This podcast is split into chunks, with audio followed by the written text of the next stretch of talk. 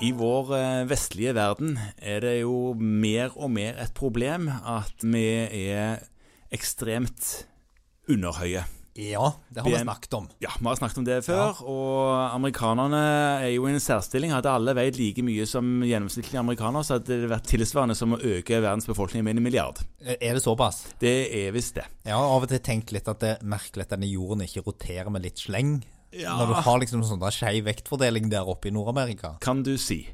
Så det er en sånn vanlig problemstilling som vi er vant til å ta tak i. Ja. At vektreduserende tiltak og kostholdsveiledning og mosjonsterping og alt det der.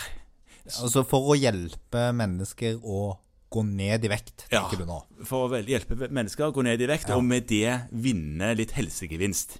Ja. Redusere behov for blodtrykkssenkende medikamenter, kolesterolmedisin, Diabetes. Ja, rett og slett bare leve lenger, sunnere hjerte, sterkere kropp. Alt det Ja. der. Ja.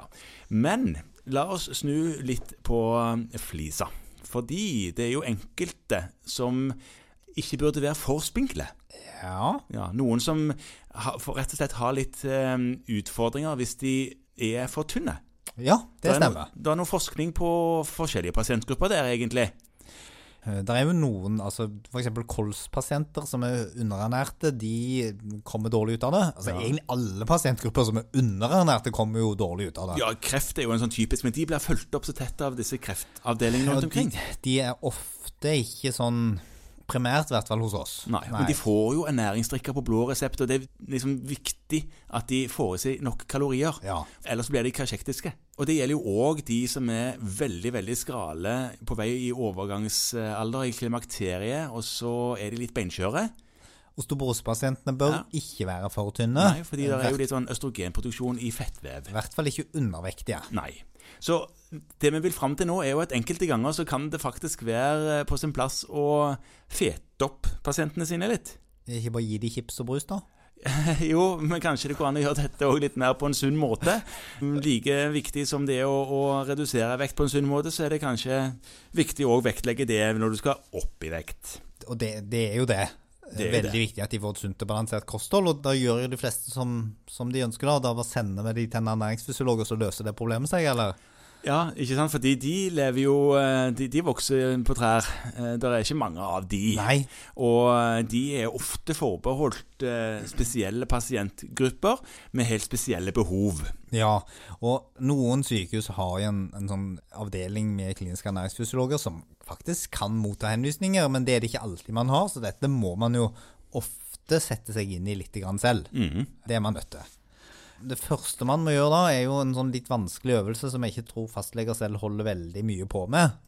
Eller kanskje ikke det første man gjør. Det første man skal gjøre, er jo kanskje å kartlegge hva de faktisk holder på med. Ja, i utgangspunktet. Ja. ja. Fordi at av og til så er det sånn at de, de bare glemmer å spise.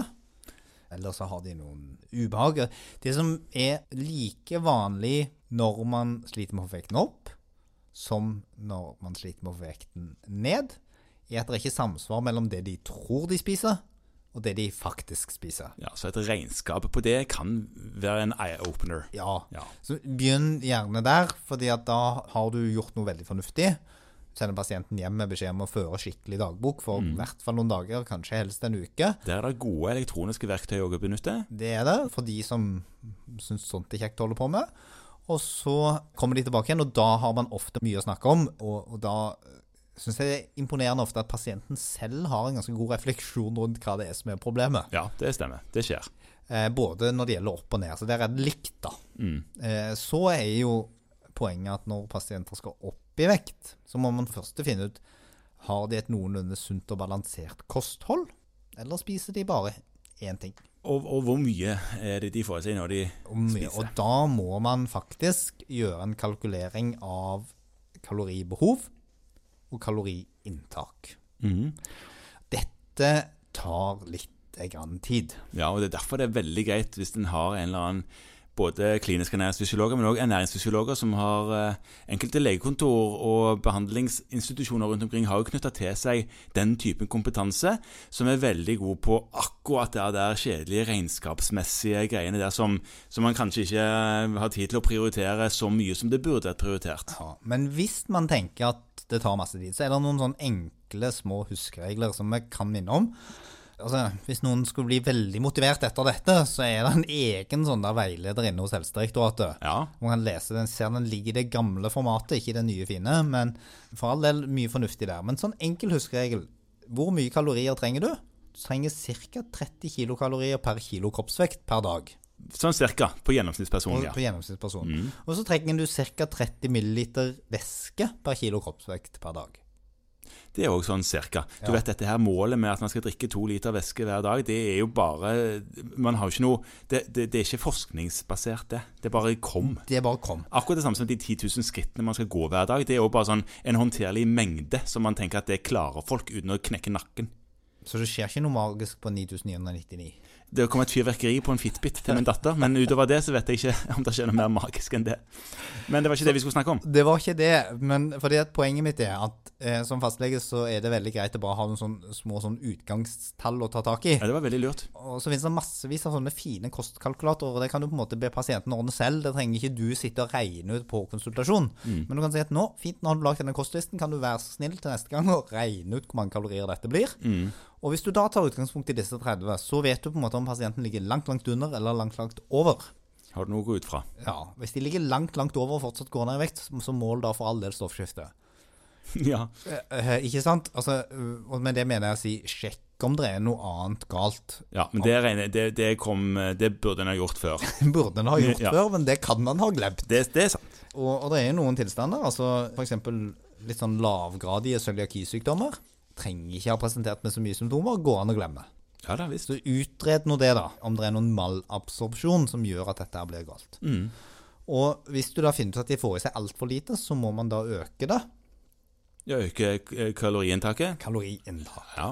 Og det blir på en måte en ting man må prøve å gjøre litt sånn stabilt, og da er det litt det som står i denne veilederen, er, er at det blir litt de samme tiltakene som vektnedgang. Ikke gjør alt på en gang, rått og brutalt, for da blir alle lei. ja. Små justeringer, gradvise økninger over tid, så lykkes man ofte bedre. Ja. Da tror jeg ikke på en måte at vi kan sitte og lage en sånn der ferdig liste over det, men i denne her veilederen så er det på en måte en sånn trapp, da. Kostholdstrapp. Ja. Som sier en del fornuftig. Ok. Og det er veldig lett når disse kommer så sier de er for tynn, kan jeg få sånne næringsdrikker på blå resept. Ja, det kan du jo vanligvis ikke, da. Sånn helt uten videre. Du må Nei. være skikkelig tynn og ha en diagnose.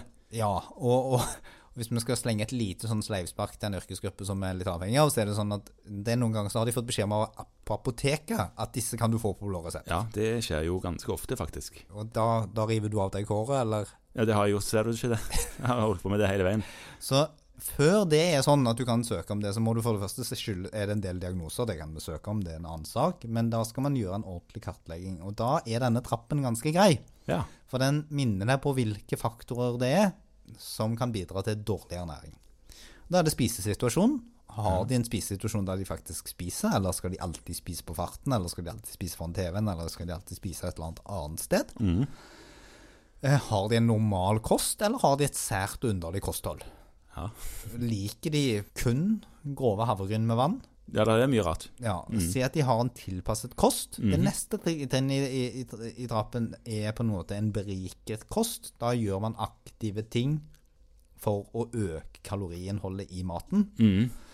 Og så er det å legge inn mer mellommåltider. Ja, så dette er tiltak for å øke kalorimengden. Ja. Altså få det til, rett og slett. Ja. Så da på trinn nummer seks kommer disse berømte næringsdrikkene. ja, så det er en del ting man skal ha gjort i forkant.